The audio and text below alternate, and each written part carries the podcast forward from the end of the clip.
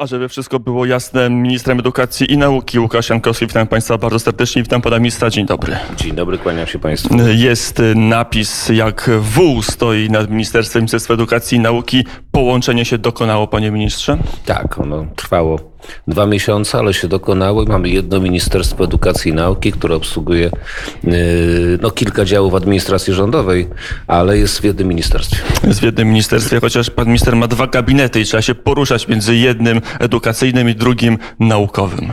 Ale to nie jest problem. Jak byłem wojewodą, to miałem y, gabinety w czterech miastach, także to można się przyzwyczaić.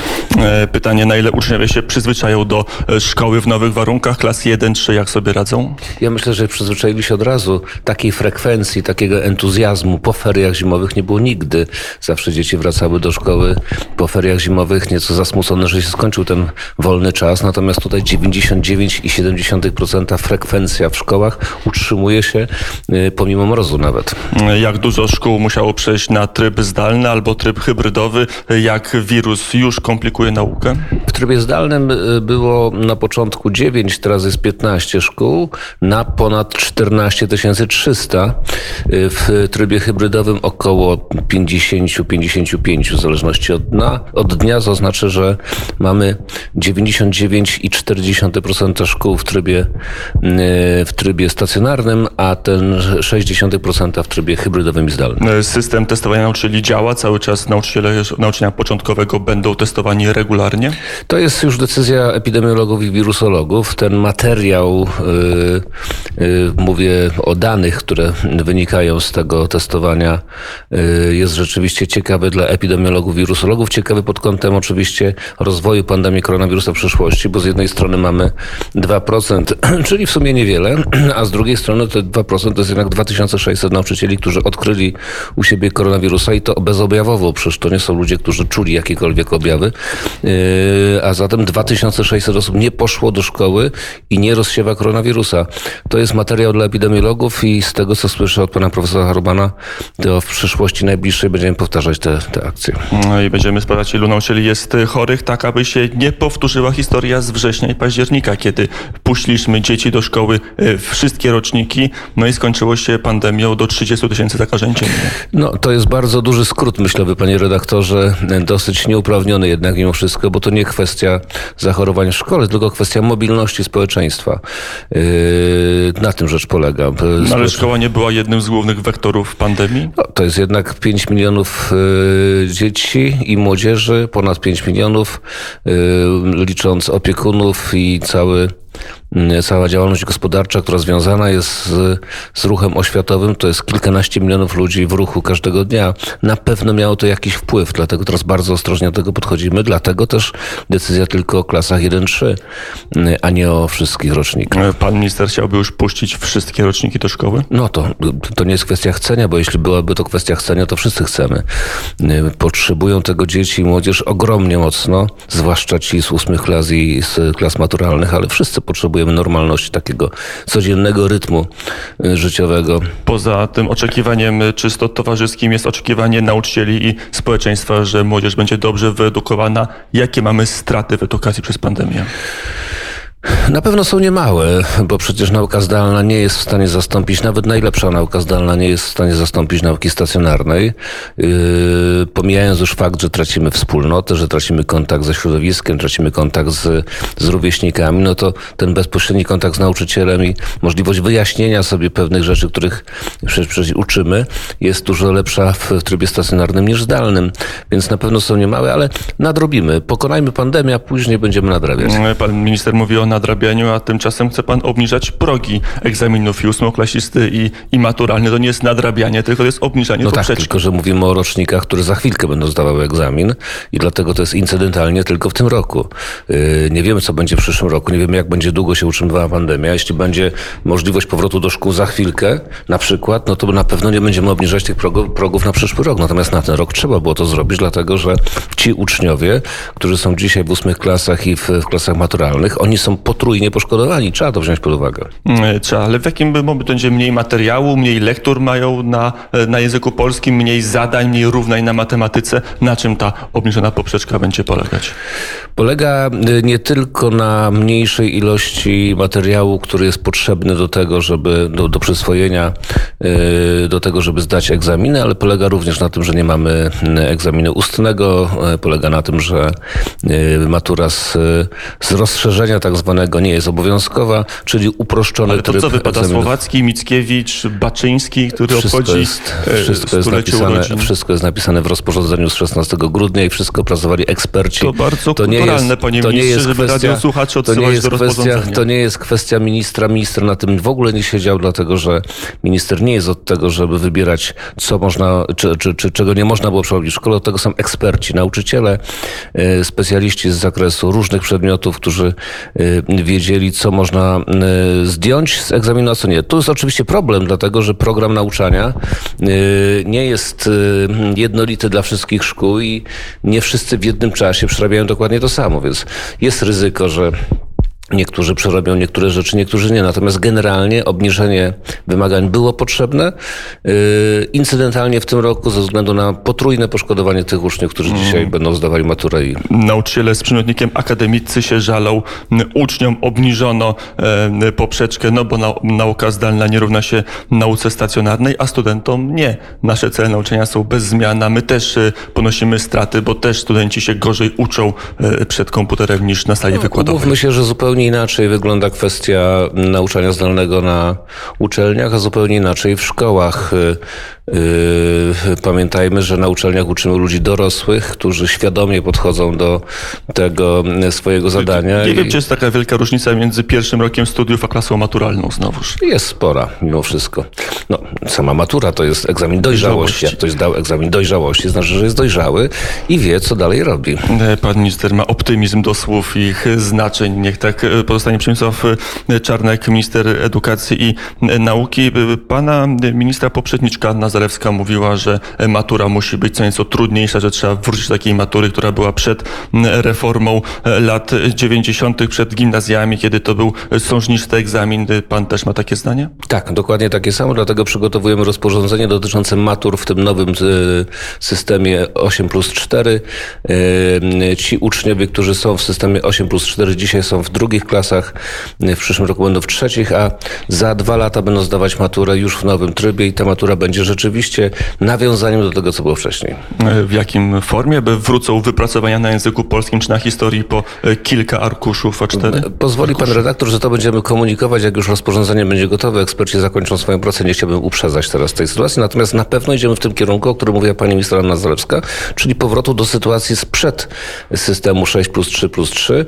Przypomnę, że e, ogólnie rzecz ujmując, wtedy e, matura rzeczywiście była niełatwa, ale można było ją zdać i to na bardzo przyzwoitym poziomie, bez korepetycji.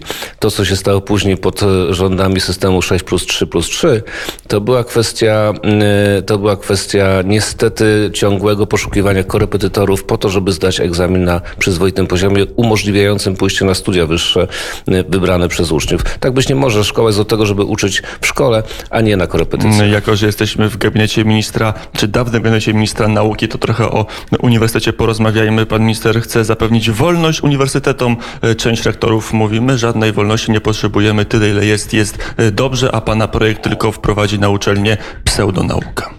Jestem tym zaskoczony, powiem szczerze, dlatego że no, spodziewałem się różnych rzeczy, natomiast no, nie takiej, że ktoś występuje przeciwko wolności. Yy, I ktoś źle postrzega autonomię uczelni. No, autonomia uczelni yy, to nie jest rzecz, która jest tylko i wyłącznie tradycją, ale to jest rzecz fundamentalna dla rozwoju nauki, a naukę rozwijają profesorowie na uniwersytecie, a nie rektorzy, z całym szacunkiem dla wszystkich rektorów. Rektor to jest kierownik jednostki, a nie yy, człowiek rozwijający naukę w Polsce. Naukę w Polsce rozwijają profesorowie. Autonomia uczelni jest od tego, żeby profesorom, którzy badają i którzy później publikują swoje wnioski badawcze, dać pełną wolność, y, bo bez tej wolności nie są w stanie ani podejmować tych badań, ani publikować swoich wniosków badawczych.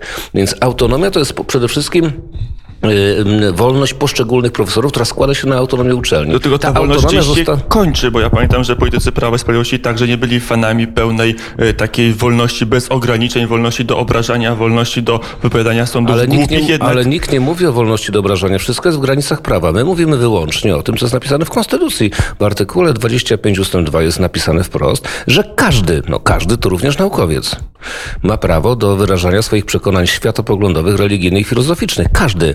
Ale no, nie można kogoś karać za to. fizyki teoretycznej wyjdzie na mównicę i będzie głosił przez 45 minut albo przez półtorej godziny kazanie albo wykład marksistowski, to można go usunąć, czy nie można go usunąć? No ale panie to redaktorze... Uchybia, czy jest ale profesorem panie i może mówić co chce, czy jednak musi Panie mówić na redaktorze, my nie mówimy o badaniach naukowych. My mówimy o to, że nie wolno kogoś karać za to, że wyraża swoje przekonania światopoglądowe, filozoficzne, religijne. Znaczy, wydawało mi się to zupełnie oczywiste, bo jest to napisane wprost w Konstytucji w artykule 25 ust. 2. Dlaczego ktoś występuje przeciwko przeniesieniu tego na grunt ustawowy? Nie jestem w stanie zrozumieć. Znaczy, że ci, co mówią konstytucja, konstytucja, nie rozumieją konstytucji. Ale tu przykład z innej materii. Mamy nauczanie zdalne. Profesor ma na awatarze zdjęcie z błyskawicą, symbolem strajku kobiet. To U jest wolność? to, u, mnie się to, u mnie się to nie zdarza.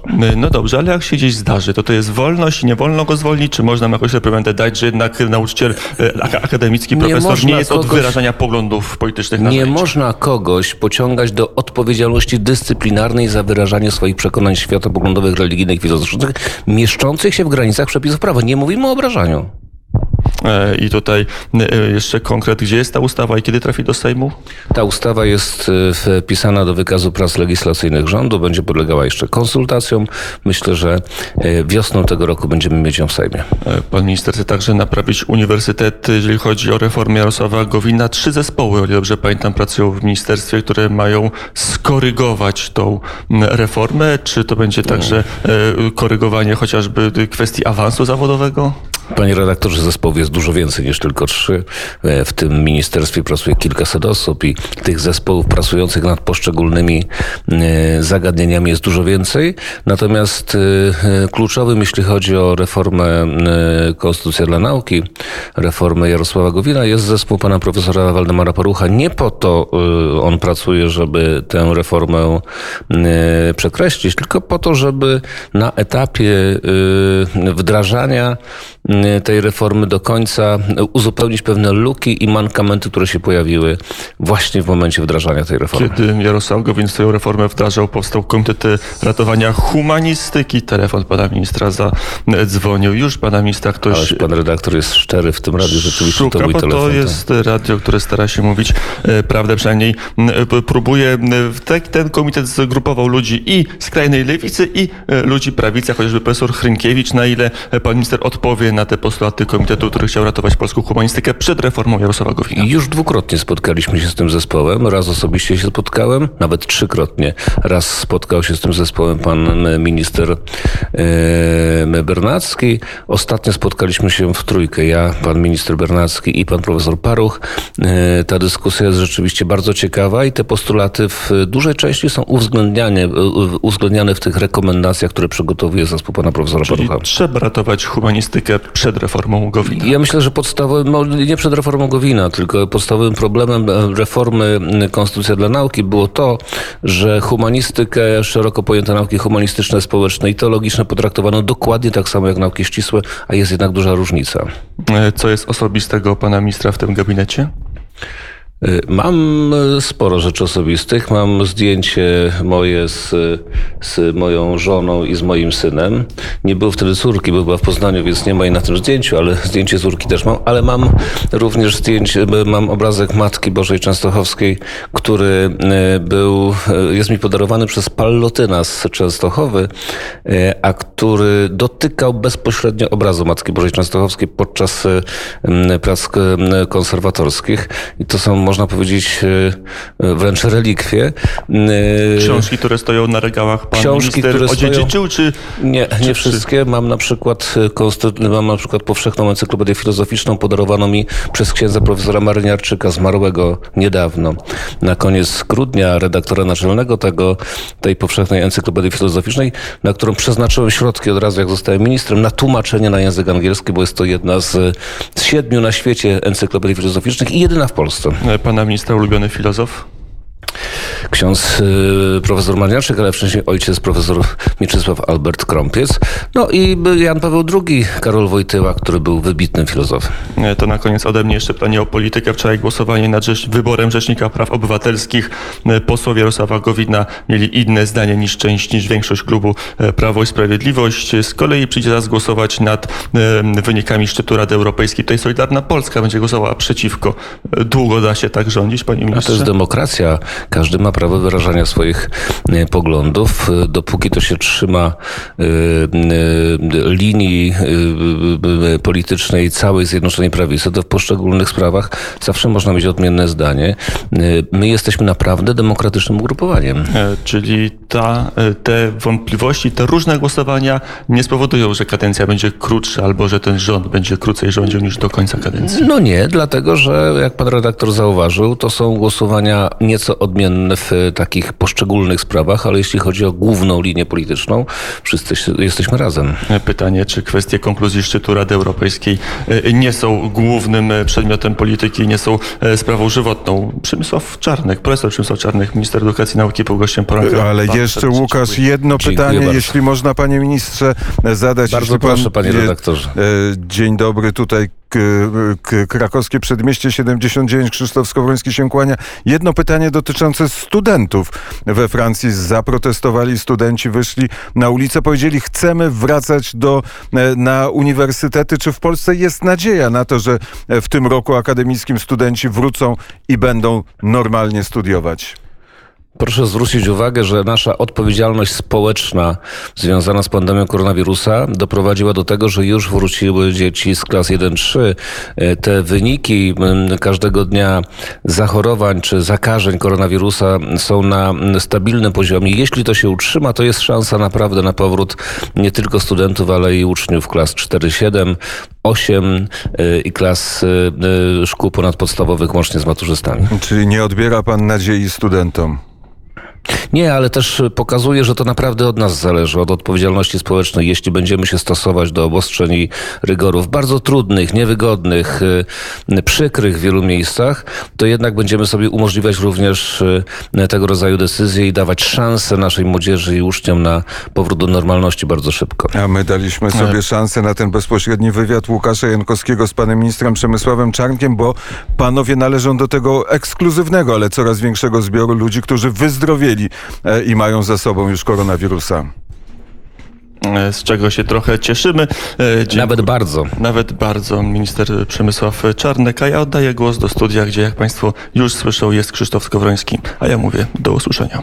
I do usłyszenia. Dziękujemy bardzo i Łukaszowi Jankowskiemu i panu ministrowi Przemysławowi Czarnkowi za to, że byli gośćmi poranka w net. Jeden gospodarz, jeden gość.